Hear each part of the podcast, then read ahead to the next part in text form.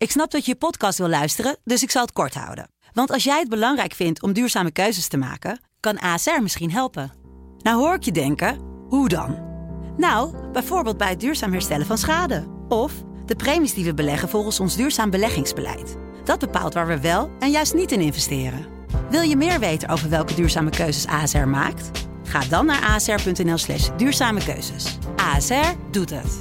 Zo, dan kan je nu lekker naar je podcast luisteren. Alles wordt duurder, maar niet bij toelevering online. Wij verlagen de prijzen van kunststof en aluminium maatwerkkozijnen. Bestel simpel en snel op toeleveringonline.nl.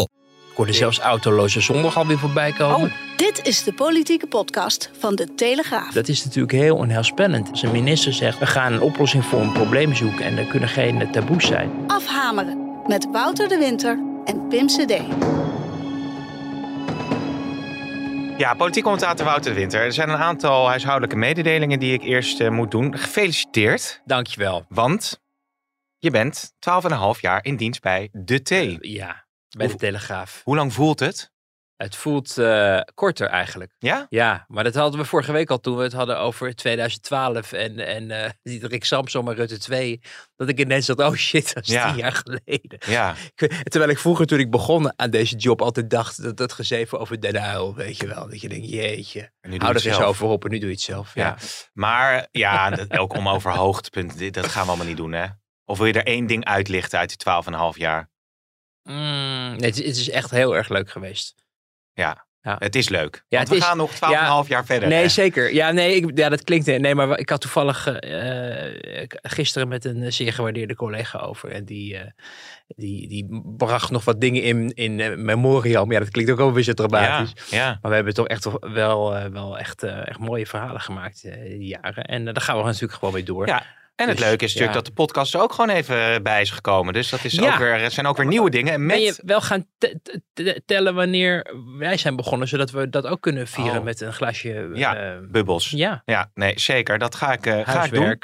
Vragen we aan de redactie om te Vragen doen. we aan onze redactie. Ehm, maar eh, wat ik nog wilde, wilde zeggen is dat wij natuurlijk erg blij zijn met onze luisteraars. We hadden dat, dat vragenuur vorige week bedacht tijdens het reces. Ja. Dat is ontzettend Een groot succes. goed bevallen van beide kanten.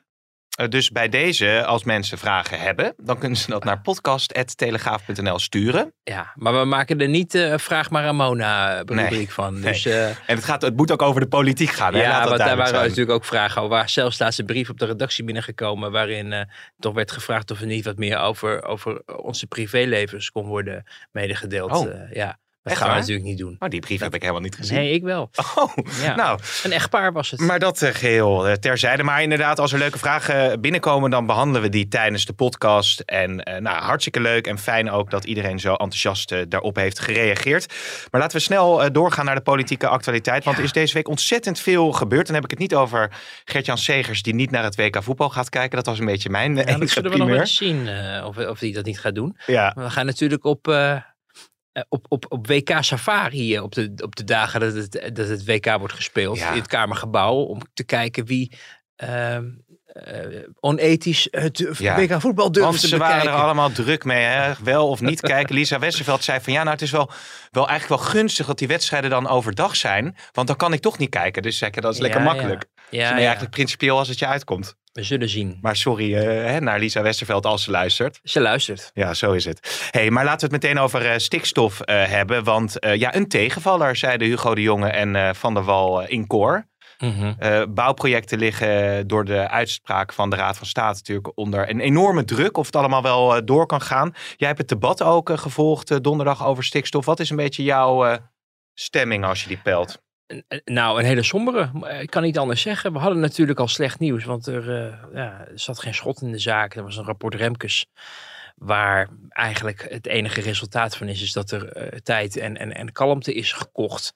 Maar heel veel concrete stappen lijken er niet uit voort te, te komen. Datge- datgene wat het belangrijkste was, was die 500 tot 600 piekbelasters dan versneld te laten stoppen met, met eh, die depositie, die stikstofdepositie. En, nou ja, het kabinet geeft dan zelf al aan dat dat ambitieus is, oftewel onhaalbaar.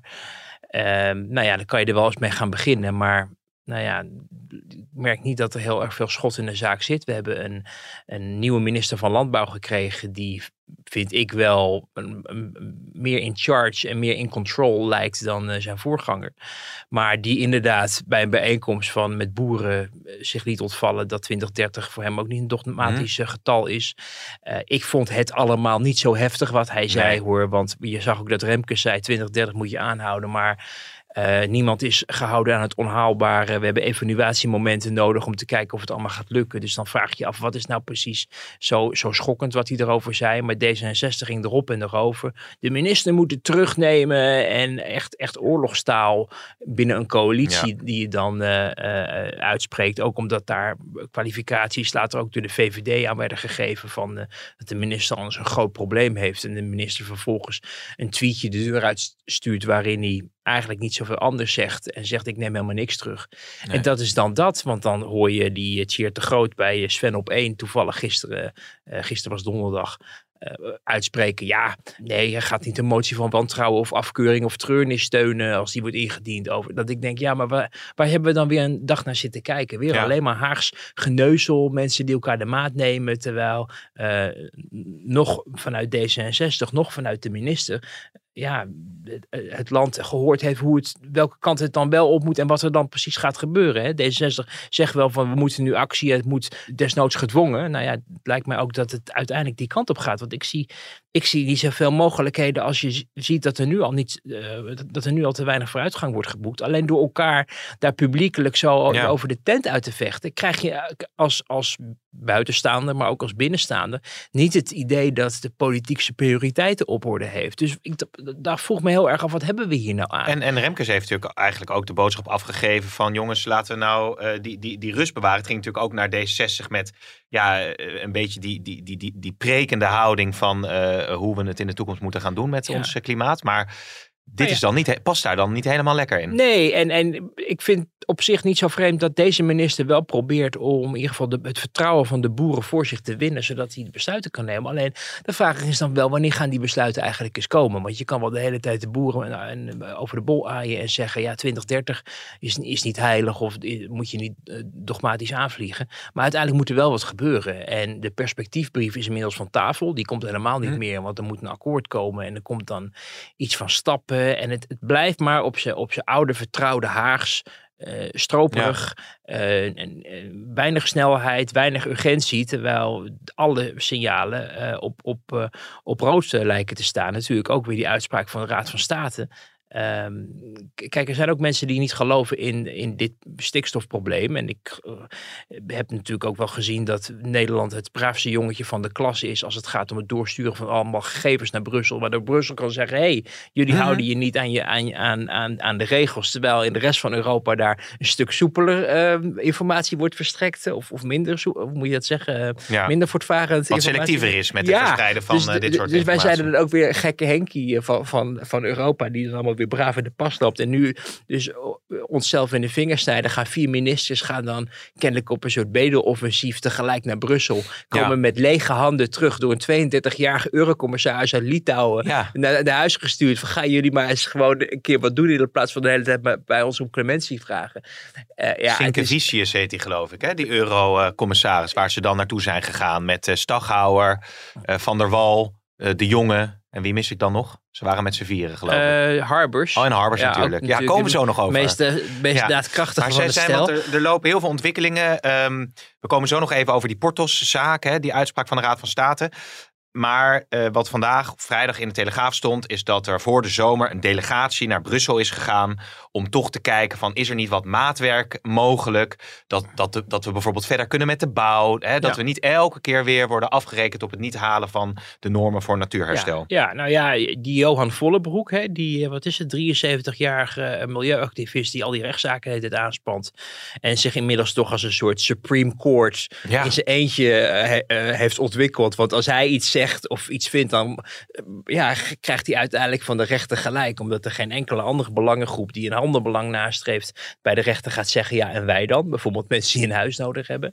Uh, dus hij krijgt gelijk op gelijk, omdat ja, het, het parlement het kabinet heeft ingestemd met allerlei geitenpaadjes en, en, en wetten die, die eigenlijk onhaalbaar zijn. Ja, op de pof, hè? Ja, ja, waardoor we dus nu eh, in de aap gelogeerd zijn. Ehm, en, en die had dan gezegd van ja, maar je kan er wel iets van een uitzondering in Brussel bedingen vanwege de woningbouw. En dat Hm. begrijpt Brussel ook wel. En dan zegt Van der Wand, dat kan helemaal niet. Dat hebben we gevraagd. Eh, kortom, eh, je krijgt een heel somber beeld. Want ik zie oprecht niet zoveel mogelijkheden meer als je je probeert te eh, verplaatsen in, ja, wat krijgt zo'n kabinet nou te besluiten als de zachte hand en de warme hand van vrijwilligheid verplaatsen eh, van bedrijven, eh, laten stoppen, uitkopen, et cetera, op een vriendelijke, prettige, aangename manier. Met die tijdspannen van er moet nu snel actie ondernomen Mm. Ik zie niet hoe je dat nog met elkaar in, het, eh, eh, ja, eh, in, in, in, in overeenstemming kan Ja, maken. ik, ja. ik denk dat de carrot wordt vervangen door de stick op een gegeven moment. Omdat dit gewoon, er moet gewoon wat gebeuren. Ja. En de druk loopt op. ehm, om die woningbouw, ik bedoel, die ligt nu ook weer helemaal op zijn gat. En de infrastructuurprojecten. Ons land ondervindt schade die we nog jaren zullen voe- voelen. Die we nu op het moment dat je naar de supermarkt gaat om je boodschappentas eh, te vullen, niet, niet, niet onmiddellijk merkt. Maar die op de langere termijn voor de ontwikkeling van ons land en onze economie en onze welvaart. eh, en daarmee ook ons welzijn. eh, echt ernstige schade kunnen opleveren. En dan volg je zo'n debat. En dan zie je ehm, ook zo'n coalitie die dan ook niet op één lijn zit. Waarin inderdaad D66 zegt eh, nu snel verplicht uitkopen. En dan andere partijen in de coalitie zeggen je moet juist bezit beschermen. Ja, waar gaat dit eindigen? ja, Eh, zeg het maar. ja, nou, in, in, in politiek ehm eh, penarie, denk ik. Ik, ik zie het heel, heel erg somber in.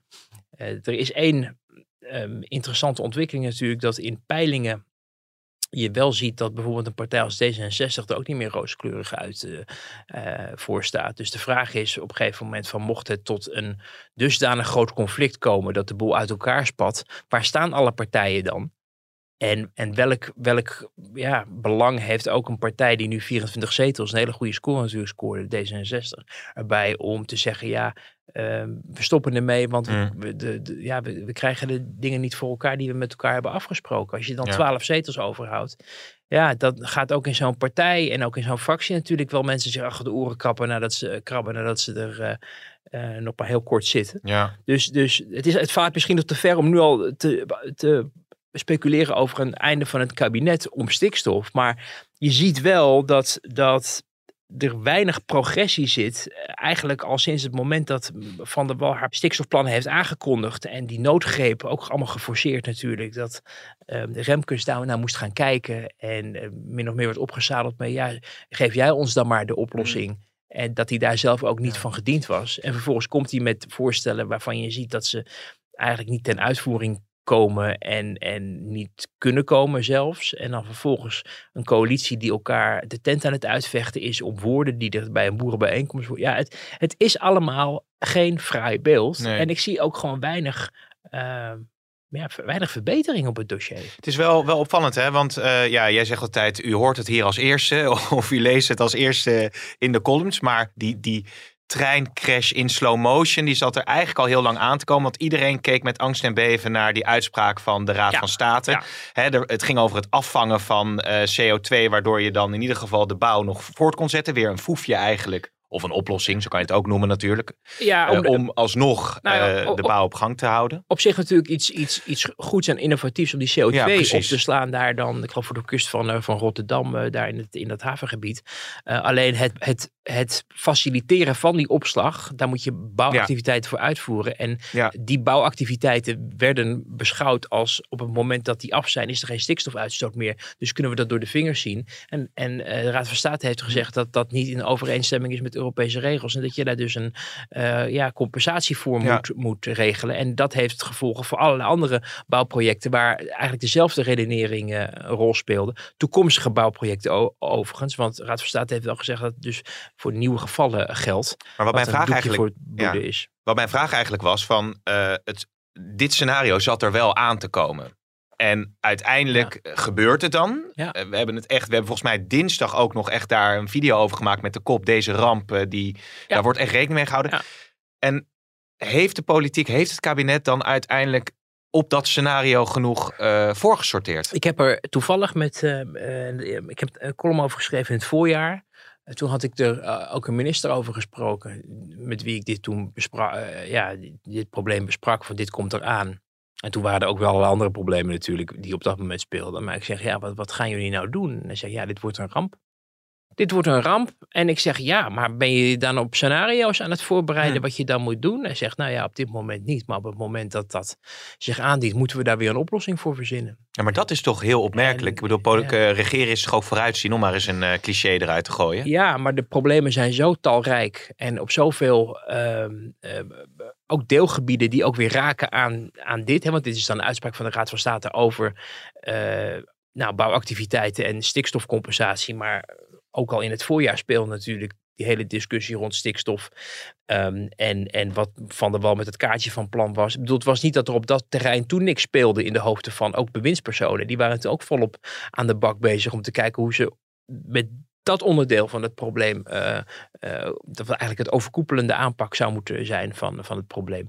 Dus, dus ja, ik, ik verbaasde me er ook over dat ik dacht van, want wij denken altijd van als, er als er iets misgaat, dan heeft de overheid een soort, ja, een soort, een soort handboek het EHBO-handboek van, bij ongelukken van de, van, de, van de overheid, waarin dan onmiddellijk een scenario staat wat er moet gebeuren. Dat verwachten we eigenlijk ook in de coronacrisis. Hè? We zijn heel erg verbaasd dat er niet genoeg hulpmiddelen waren, dat de aansturing van, van ja, eigenlijk de hele medische industrie, faciliteiten helemaal gedecentraliseerd was, waardoor ja wij verwachten van de minister dat hij meteen druk op de knop allerlei dingen voor elkaar kon krijgen. Maar dan had hij echt de hulp nodig van al die verschillende zorginstellingen die dat allemaal moeten leveren. En die de informatie moeten verstrekken van wat er allemaal voorhanden is. Nou ja, je ziet ook bij dit weer, bij zo'n stikstof-idee, dat, dat er dus kennelijk niet een onmiddellijk plan klaar ligt wat je kan invoeren om gelijk mee aan de slag te gaan. Ze nemen nu een maand de tijd om een plan van aanpak uh, te schrijven. Dus dat betekent weer een maand uh, nadenken waarbij nou ja,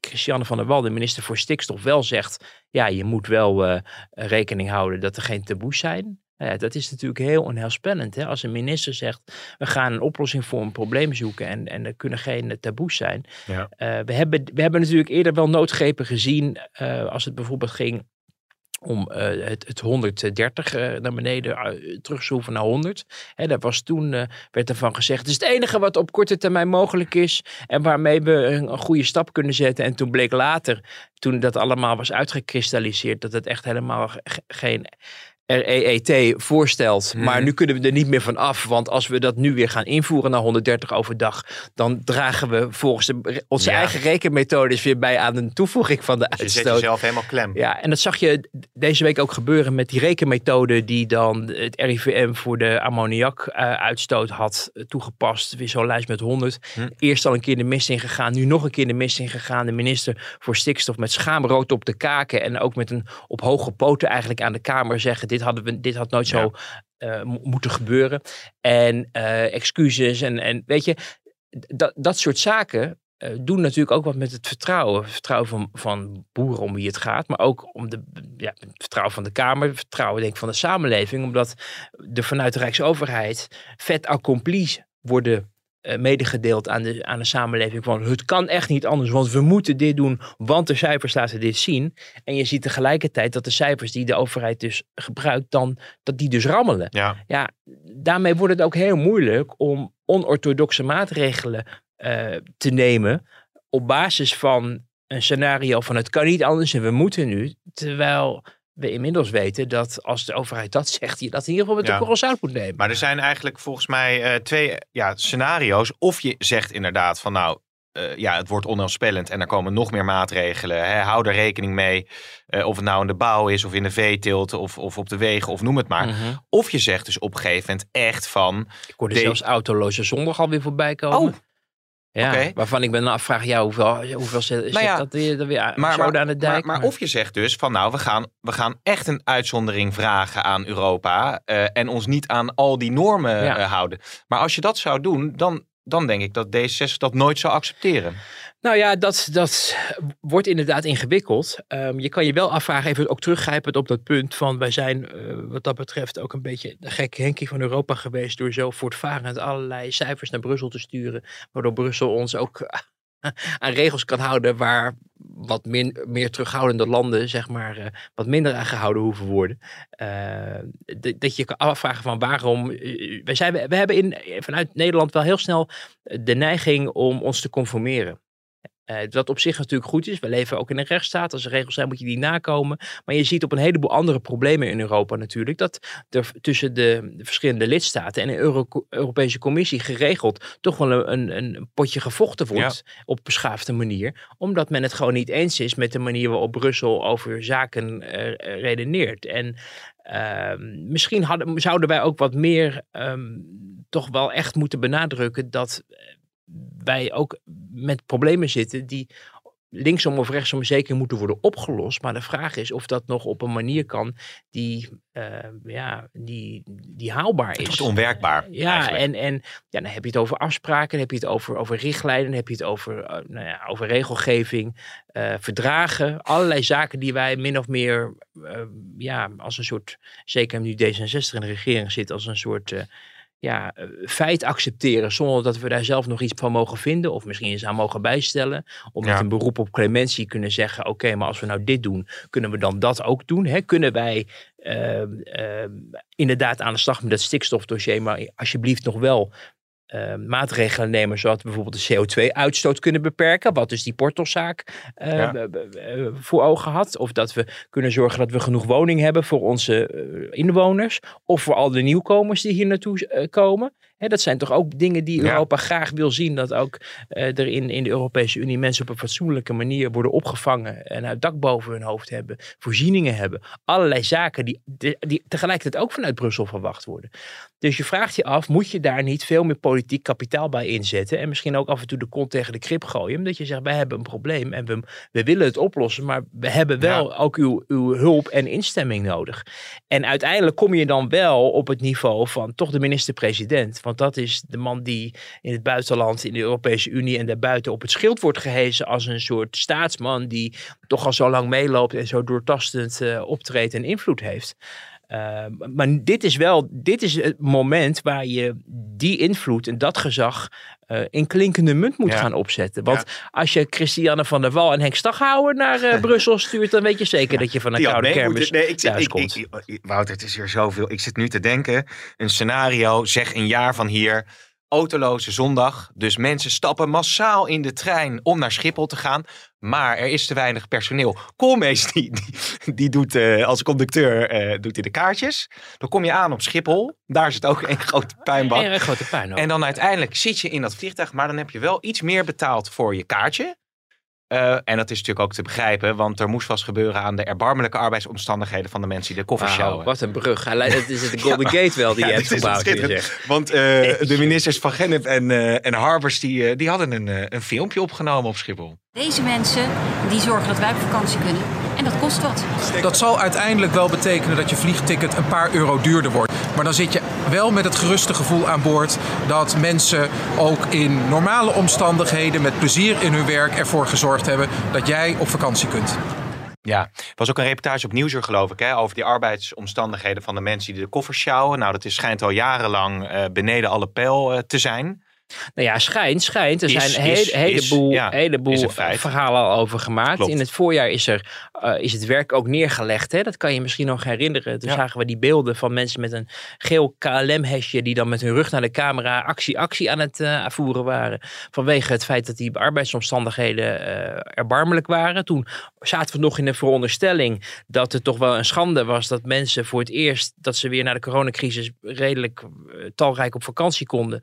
dat um, het toch wel heel erg was dat er dan mensen waren die dat vakantieplezier probeerden te vergallen. Dat was toen een beetje de moed. Maar je hoorde wel dat uh, de manier waarop uh, het, pers ja, het personeel betaald ja. werd en mee om werd gegaan, dat dat onder de maat was. Uitval. Uh, ja, heel veel uitval. En, en ja. nu ineens, een half jaar nadat dit allemaal gebeurd is, gaan, gaan, gaan Van Gennep en Harbour samen met een hesje op, op, op een soort ontdekkingstocht naar Schiphol om met mensen te praten. En ze komen erachter, parbleu. Het, is, het zijn zware arbeidsomstandigheden en de mensen moeten op hun knieën koffers dragen. En Van Gennep, de minister die over eh, het, ook de arbeidsomstandigheden gaat natuurlijk. Nou, die had, die had, had dit nog nooit. Nou, al die vluchten die ze op en neer naar Parijs heeft gemaakt. toen ze daar een of andere houten functie had. bij, ik geloof, ING Frankrijk. Uh, nou ja, nooit, wat, nooit bij stilgestaan kennelijk. Maar ja, je zit zo vooraan dan natuurlijk voor het gordijn in zo'n KLM-toestel. Dat je niet, niet, niet naar achter kijkt waar het bagage wordt ingeruimd. En je ziet dat dat oh allemaal met enige moeite gebeurt, omdat het best zwaar is. Uh, we hebben een, een WOP-verzoek gedaan als Telegraaf over hoe die crisisbehandeling door het kabinet allemaal gedaan werd. Dat ging natuurlijk in het begin over die bagage. Later etterde dat ook door met de beveiliging. En ehm, dan zie je hoe er om wordt gegaan met publiciteit en werkbezoeken. We hebben het klein gehouden. Uh, Schrijft een, een, ambtenaar over een werkbezoek van Harbers dat strategisch gepland wordt. niet midden in de crisis, maar nog wel in de meivakantie. En op een dag die naar verwachting goed zou lopen, dan is het nieuws zo weg en kun je er een strik omheen doen en door. Dat is hoe er over, over dit onderwerp op het departement werd gesproken. En nu gaan die twee gaan daar naartoe om goede sier te maken met hun eigen camerateam, een leuk filmpje maken. En de minister uh, van uh, infrastructuur die zegt ja, je moet misschien wat meer euro's gaan betalen, want uh, ja, het is toch allemaal wel heel erg wat daar gebeurt. Terwijl uit datzelfde WOP-verzoek wij konden concluderen dat het inzet van het kabinet was om het rendement van de luchthaven niet naar beneden te, schroeven. Als gevolg van het feit dat mensen betere arbeidsomstandigheden zouden krijgen. Het was een prioriteit vanuit financiën en het werd overgenomen in infrastructuur. Om vooral niet aan het rendement te komen. Dus mensen wel. Je, als je een KLM-ticket boekt, dan krijg je ook een keurige specificatie van de kosten die, je, mm -hmm. die worden aangeslagen. Onder andere servicekosten, beveiligingskosten, allerlei dingen. Dus je betaalt al. Dat geld wordt allemaal afgeroomd. Je betaalt, ik weet niet hoeveel euro voor een kopje koffie. Allemaal naar de staat, allemaal rendement. En vervolgens gaat de, de minister van Infrastructuur nu naar Schiphol en zeggen, ja weet je wat, we gaan de tickets maar eens duurder maken. Want al die mensen die daar voor, voor, voor Piet Snot in de rij hebben gestaan, al die, al die uh, uren, met hun, met hun gezin, in de regen, in de hagel, onweer, hitte, kou, weet ik veel wat. Die verdienen nog een extra straf, want wij gaan niet in eigen vlees snijden en zeggen, misschien moeten we wat minder rendement van Schiphol eisen, zodat ze die mensen fatsoenlijk kunnen betalen. Nee, we gaan de reiziger de schuld geven. Nou, ik was echt stupefem, maar dat hoor je al aan mijn opwinding. Ja, jemig. Ja, ik moet zeggen, toen ik dat filmpje ook zag vanochtend, dacht ik van ja, ja, ja, ik weet niet meer wat ik erover moet zeggen, Wouter. Ja. Op naar het volgende filmpje, zullen we maar, maar zeggen. Brug. Ja, een ja, ik zit te denken, wat zou nu het brugje kunnen zijn? Nou, zou ik, nou er was een ander spraakmakend filmpje deze week. Heel veel spraakmakende filmpjes. Maar dat ging over een vergadering uh, waarin het ging over het besluit van het presidium om uh, te onderzoeken uh, onderzoek te doen naar het uh, mogelijk grensoverschrijdend gedrag van Ariep. Ja, ja. Oh, dat hadden we ook nog, ja. Is, dat was aan het begin van de week. ik ja, voel het alweer. Ja, ik weet, ik, hier valt niet tegen op de brug, uh, Wouter. Dit is echt vreselijk. Ik ben het bijna helemaal kwijt. Maar ik ga stoïcijns verder. Uiteindelijk leidde Bergkamp die vergadering waarin het daar ook over ging. Leiden was, was zeer ontstemd over dat onderzoek. we hebben ook in de krant ook publicatie gehad waarin hoogleraren zeggen van ja, je moet dat onderzoek misschien maar stopzetten, want op deze manier gaat het niet. Ja. Nou, er werd in de Tweede Kamer ook over gesproken. En toen zei uh, Marcus Houwer, hele, van de PVV natuurlijk, sprak hele felle woorden. Het presidium en u ook, mevrouw de voorzitter, heeft geacteerd als een soort huurmoordenaar. Er is een politieke moord is gepleegd. en er wordt er nu zo wordt er gezegd, ja, we gaan, een, we gaan een onderzoek er naartoe doen. En voor de rest moet iedereen verder zijn mond houden. De woorden die u gebruikt, daar neem ik echt afstand van. En ik sluit ook de vergadering, het is 7 uur. Nee. Voorzitter, hier maak ik bezwaar tegen. Ja, het gaat me niet eigenlijk eens over het woord huurmoordenaar, uh, denk ik. Uh, maar Hoewel gaat... dat natuurlijk aan zich natuurlijk alweer totale, totale idiotie ja, is. Hè? dat is Even, ik denk dat het duidelijk is. Benoemen, het, het, maar wat er daarna gebeurde is dat Bergkamp de vergadering uh, wilde sluiten. Um, en ja, er ontstond ontzettend veel, veel commotie. Het werd een beetje, beetje, een beetje, ja, een beetje, een beetje narrig is misschien niet eens het goede woord. Ja, het was in de commissie voor de werkwijze. Nou, ja. Daar worden uh, doorgaans ongeveer de, de gesprekken over de paperclips gevoerd. Zullen we maar even chargeren. En nu was het de eerste keer dat de, de Kamer uh, over dat onderzoek naar Khadija Ariep en de manier waarop dat allemaal tot stand was gekomen, kon spreken. Want dat wilde men niet plenair doen, want het was allemaal gevoelig en zo. De commissie voor de werkwijze werd toen al gezegd, over een maand hebben we daar een vergadering. Dan bespreken we wel hoe dit allemaal is gebeurd. In de tussentijd natuurlijk uh, Khadija Ariep opgestapt. Uh, met veel bombarie uh, uiteraard. er is natuurlijk ook een... een, een nou, het onderzoek is, is ook vergund aan Hofman. De Universiteit in Utrecht gaat, gaat ook nog mee aan de slag, was de bedoeling. Zonder dat de Kamer daar ook wel weer een goedkeuring over gegeven had. Nou, in principe kan het presidium daartoe besluiten. Maar gezien alles wat er was gebeurd en de behoefte van de Kamer om erover te spreken in de commissie voor de werkwijze, uh, wekte bij sommige Kamerleden wel de indruk dat daar dan ook eerst gesproken zou worden over het vervolgtraject voordat je uh, tot uh, de vergunning van het onderzoek overgaat. Nou, dat, dat uitte zich dus in een, in een vergadering die normaal nou, helemaal niet zo veel vuurwerk oplevert. Maar nu, ik geloof dat er 14, 14 of 15 Kamerleden van fracties dus aanwezig waren om hier Vera Bergkamp over te bevragen, die tegelijkertijd ook de vergadering voorzat. Ja. Want dat is niet altijd het geval. Hè. Je kan er ook iemand naast zetten die dan de orde bewaakt en dan kan zij gewoon het verhaal vertellen. Dat was nu samengesmolten, waardoor het alleen maar chaotischer werd. Op haar bekende Alice in Wonderland manier met, met, met domme vervelende grapjes uh, die ze dan infietst om zomaar de sfeer goed te houden. Maar iedereen denkt... Wat ja, bedoel je dan? Uh, nou, van die, van die dat je, je, je ziet het ja, je ziet het, als je kijkt naar een kamerdebat en je ziet dat het dan van, oh nou, hebben we, weet je, het is dat, dat het, het, onderschatten van de ernst van het moment en denken dat je er met een grapje of een, een grolletje wel weer... Uh, Wat dan ook weer frustratie geeft bij de Kamerleden. Ja, dat je denkt van, dit is niet het, het, het, moment, weet je, net als dat je bij, op het moment dat je die, die functie krijgt, je beste vriendin gaat bedanken, waar we het hier natuurlijk ook al over hebben gehad. Dat je dus op die voorzittersstoel gaat zitten voor de eerste keer, je krijgt die hamer en dan een soort ja, toespraak alsof je een Oscar gewonnen hebt, houdt. Van nou ja, ik wil, uh, ik wil uh, bedankt u voor de steun. Ik wil ook mijn beste vriendin bedanken, want die hebben me ook zo gesteund. Dat je denkt, waar gaat dit over? Maar goed, die sfeer, toch de, de, het, het grote betonnen bord voor de ernst van de situatie en ook de kritiek die er op haar eigen functioneren bestaat bij al die, uh, vrijwel al die Kamerleden die ook in die zaal zitten en dan toch niet de, ja, de ernst daarvan realiseren. En een de debat eigenlijk totaal uit de hand laten lopen. Door te zeggen, ja, we, we nemen jullie kritiek allemaal mee. We gaan het in het presidium bespreken. Hmm. En dat is dan dat. En daar nam die Kamer geen genoegen mee. En die nee. had zoiets van, ja, hou eens even. We moeten misschien helemaal stoppen met het, met het onderzoek naar Ariep. Want ze is weg. Bovendien, dan heb je straks een onderzoek waar ze niet aan mee wil werken. Dus de vraag is, wat levert het dan eigenlijk op? Maar op een gegeven moment ligt er dan misschien een onderzoek. En wat doe je dan? Krijgt ze wie gaat daar eigenlijk straf geven? Want daar gaat de Kamer en het presidium ook helemaal ja, Misschien moeten dan de werkomstandigheden in den brede ver nou ja, verbeteren. En dat is dus een, denk ik een veel logischer uitkomst. Uh, er wordt vandaag, begrijp ik, vrijdag opnieuw in het presidium uh, virtueel gesproken over uh, hoe men verder gaat. Hè? Want men heeft er dus over gesproken op woensdag. en ze gaan er dus nu vandaag weer over spreken over wat je nou met het signaal van de Kamer doet van wil je hier nog wel door, mee doorgaan. Uh, ik begrijp dat het presidium erover verdeeld is. Dat, dat er okay. elke stemmen nu in het presidium opgaan om het te maar te laten stoppen.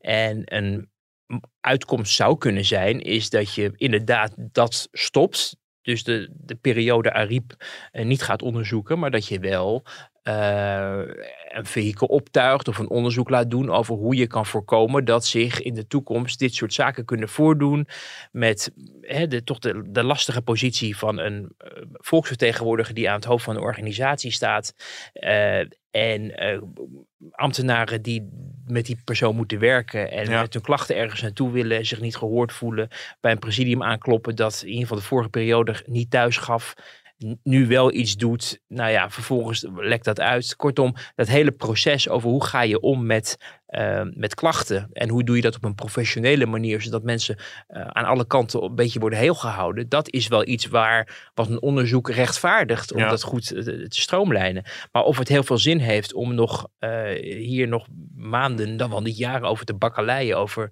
wat er in het verleden is gebeurd. Maar je ziet, de, de, de, de boosheid in bepaalde kringen is nog niet weg erop. Hè? Want RTL kon ook gisteren melden dat de ondernemingsraad dan weer erbij ook al ziet hangen. Kennelijk ook doorkrijgt dat de Kamer aan het twijfelen is of het onderzoek door moet gaan naar Ariep.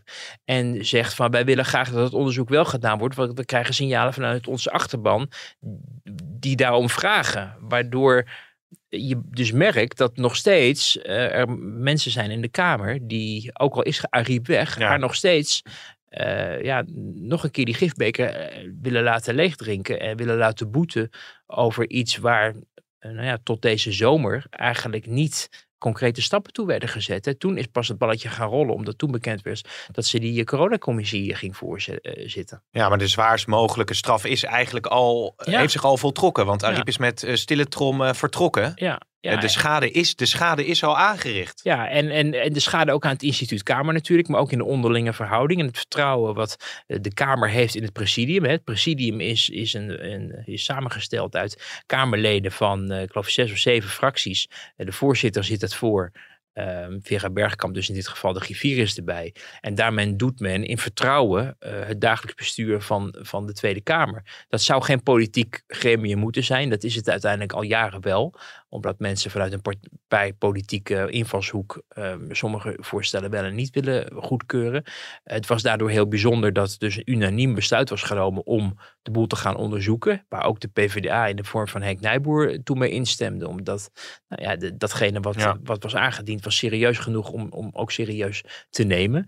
Ehm, maar ja, ehm, op het moment dat zij besluiten nemen en de Kamer ziet het ontsporen, namelijk dat er is een lek en Khadija Ariep wordt beschadigd en ja, niemand weet eigenlijk nou precies wat er gebeurd is, dan zeggen Kamerleden, dat gebeurde dus ook in, in dat debat over de commissie voor de werkwijze, namelijk ja, eh, het is inmiddels een politieke kwestie geworden, want het presidium heeft het laten ontsporen en nu vind, mogen wij er ook wat van Ja. vinden. Ja. dan is het eigenlijk een free-for-all vanuit die, die, die verschillende fracties, die ook niet in het, vaak in het presidium vertegenwoordigd zijn. En dus de handen vrij hebben om van alles te vragen en te eisen. En eh, dus ook in, in, in meerderheid besloten dat eh, nou ja, het presidium serieus antwoord moet geven op de gestelde vragen. En er werd voorgesorteerd op het stopzetten van het onderzoek. En dan probeerde Bergkamp dat, dat eh, ja, eh, tegen te houden en te zeggen we moeten er geen politieke kwestie van maken. Want als we dat doen, Mhm. we gaan stemmen over een onderzoek wat wordt ingesteld tegen een inmiddels ex-collega. Dan krijg je weer een herhaling van wat de commotie er ook al was rond eh, Thierry Baudet van een tijdje geleden. Namelijk dat Kamerleden gaan besluiten over eh, of een ander Kamerlid wel of niet iets mag doen, bestraft wordt, iets mag zeggen. Kortom, allemaal heel gevoelig Ja, en ingewikkeld. En als het tot een stemming straks gaat komen als het presidium dus niet met een goede oplossing komt en een stemming gaat komen van het onderzoek wel of niet. En het presidium houdt vol, we willen het onderzoek wel. En de Kamer zeggen, we willen het onderzoek niet. Dan is het presidium onhoudbaar geworden. Exactly. En dan moet het pre- presidium, inclusief voorzitter Bergkamp, het veld ruimen. Dus dit is een, een, een, een verschrikkelijke eh, situatie voor, voor het parlement, waarvan ik me afvraag, ja, wie, wat schieten we er nou eigenlijk mee op? En al die tijd wordt, ja, wordt niet besteed aan, aan, eh, ja, aan de goede dingen. Ja. Er gebeuren ook wel eh, dingen die horen te gebeuren in een parlement met Maar- debatten en wetten en zo. Ja. eh, controleren en erover stemmen, debatteren. Dat krijgt minder aandacht. Maar dit vreet wel veel energie, Ja. omdat het ook om de voorzitter gaat. Maar, maar we we hadden het, eh, als het gaat over de stikstofcrisis, over het feit van nou, misschien dat er nu eens echt moet worden doorgepakt, dan zou Rutte daar misschien in Europa een rol over kunnen spe- spelen. Maar als het gaat over deze ja, interne crisis, zou je het kunnen noemen. Je kan erop wachten dat er, dat er misschien een stemming eh, gaat komen over eh, eh, het functioneren van het presidium. Maar is er ook niet nu een moment dat je bijvoorbeeld als Bergkamp moet zeggen van ja, dit is gewoon in mijn gezicht ontploft. Ja. En om de rust te bewaren, Ja.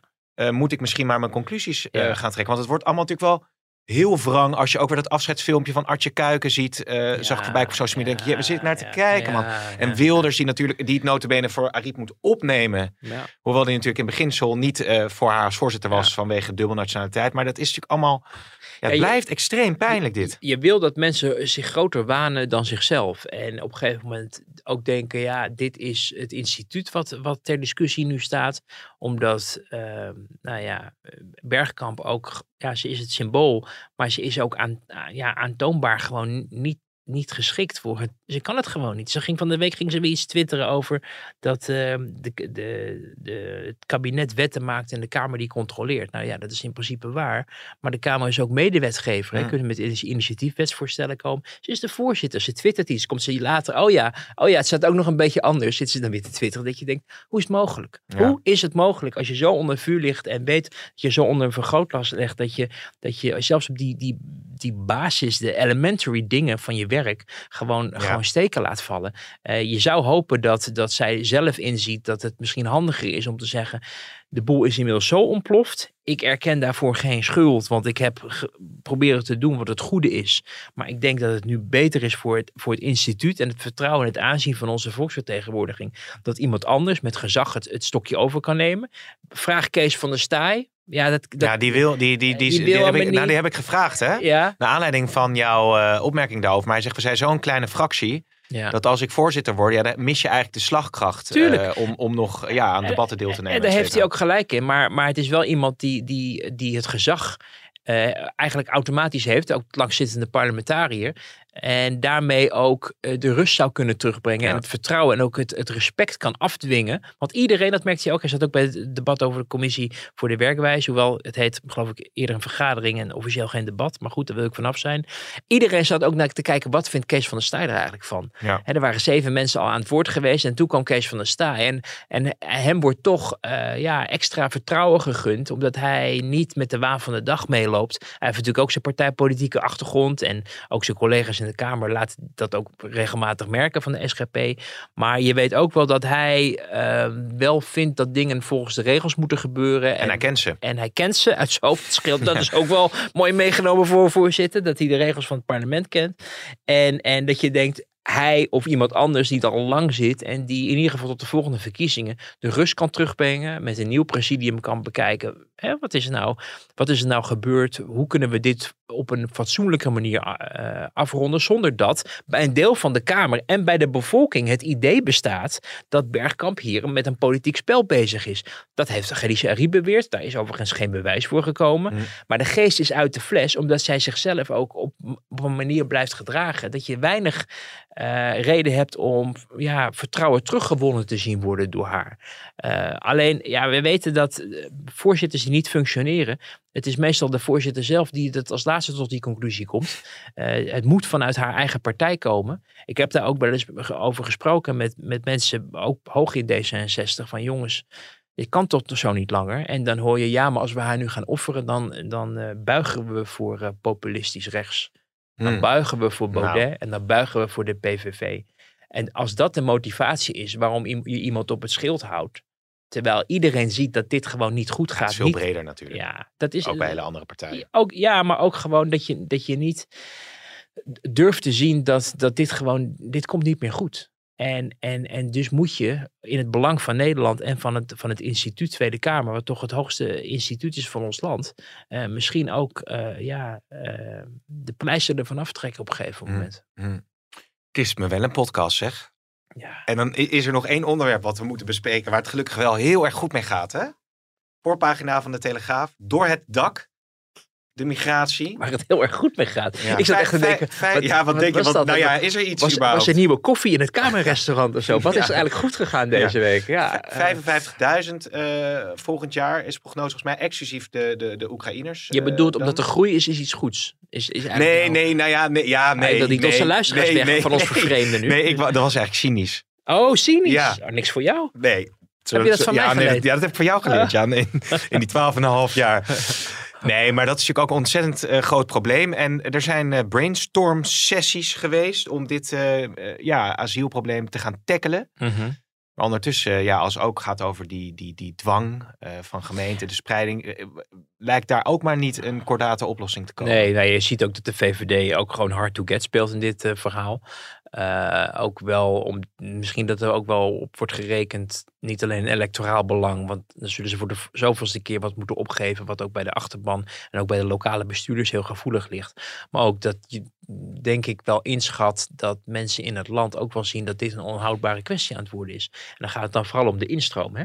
Ja. Dat je op een gegeven moment iets moet doen om, om mensen op te vangen. En dat daar een eerlijke verdeling over het land en onder gemeenten onder moet zijn, is niet een hele vreemde gedachtegang. Want waarom zou uh, de, de, ja, de gemeente waar Ter Apel is dat Ter Apel of hebben nou, die een andere naam? Maar daar, is dat, daar, daar, is dat, ja, daar is dat. Toen vraag maar even aan de redactie. Ja, we vragen het even aan de redactie. We komen er zo als je, dat, als je, dat asielzoekerscentrum wat daar staat. Uh, maar er zijn natuurlijk veel andere plekken in Nederland ook waar, waar, waar veel mensen worden opgevangen momenteel. Uh, en er zijn ook gemeenten die dat categorisch weigeren. En dan kan je wel afvragen, ja, hoe eerlijk is dat voor de bevolking die in, in één eh, gemeente eh, Ja, leeft. Westerwolde. Ten, ten opzichte, ja, Westerwolde, ja. Ja. Ten opzichte van mensen in een andere gemeente. En in hoeverre eh, zet je ook niet de boel eh, onnodig op scherp. Hè? Want als jij in een, in een bepaalde ge- gemeente A eh, 100 mensen moet opvangen in plaats van 10, dan heeft dat natuurlijk een veel grotere impact eh, dan, dan als je er maar 10 hoeft op te vangen. Dus,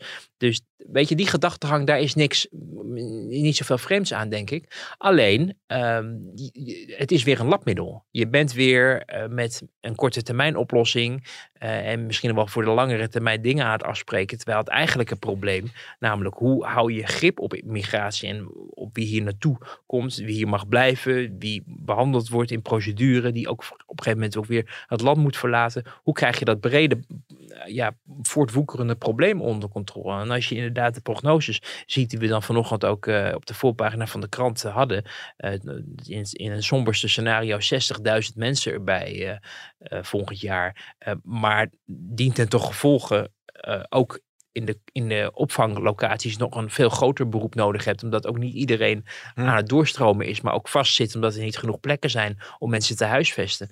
Eh, ja, dan moet je eigenlijk een veel fundamentelere eh, koers gaan varen en herziening ook doen van die asielproblematiek. Nou, dat heeft Erik van den Burg ook aangekondigd in, eh, in een brief in, in augustus. Maar je merkte dat daar bij D66 en ChristenUnie eigenlijk heel verbaasd op werd gereageerd dat ze daar niet van wisten. Het leek dat net wel alsof het op het laatste manier, moment in die brief is gefietst.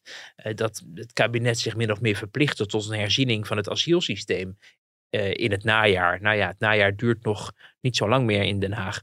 Eh, en men is wat dat betreft nog geen stap verder gekomen, want men is heel erg druk geweest met die dwangbed ehm, overleggen. Nu was er dus gisteravond, en er is daarvoor ook één overleg geweest, met vier of vijf ministers en een staatssecretaris van de Burg, die dan met de benen op tafel gaan filosoferen over hoe je grip kan houden op migratie, hoe je aan het richtgetal, wat wel in het regeerakkoord is afgesproken, hoe je daar vorm aan kan geven. Dus dat je toch ook wel voor jezelf uitmaakt. Wat is dat zo- richtgetal? Nou ja, zoveel kunnen we aan. Ja, maar is daar, is daar een... een- Nou, dat, ja, maar dat is dus een van de dingen die, die ter discussie staat. Er wordt nagedacht en verkend. En er zijn ook allemaal commissies bezig over een richtgetal. Ja. Er zijn natuurlijk eh, eh, verplichtingen die men ook in VN-verband eh, Ja. heeft afgesproken.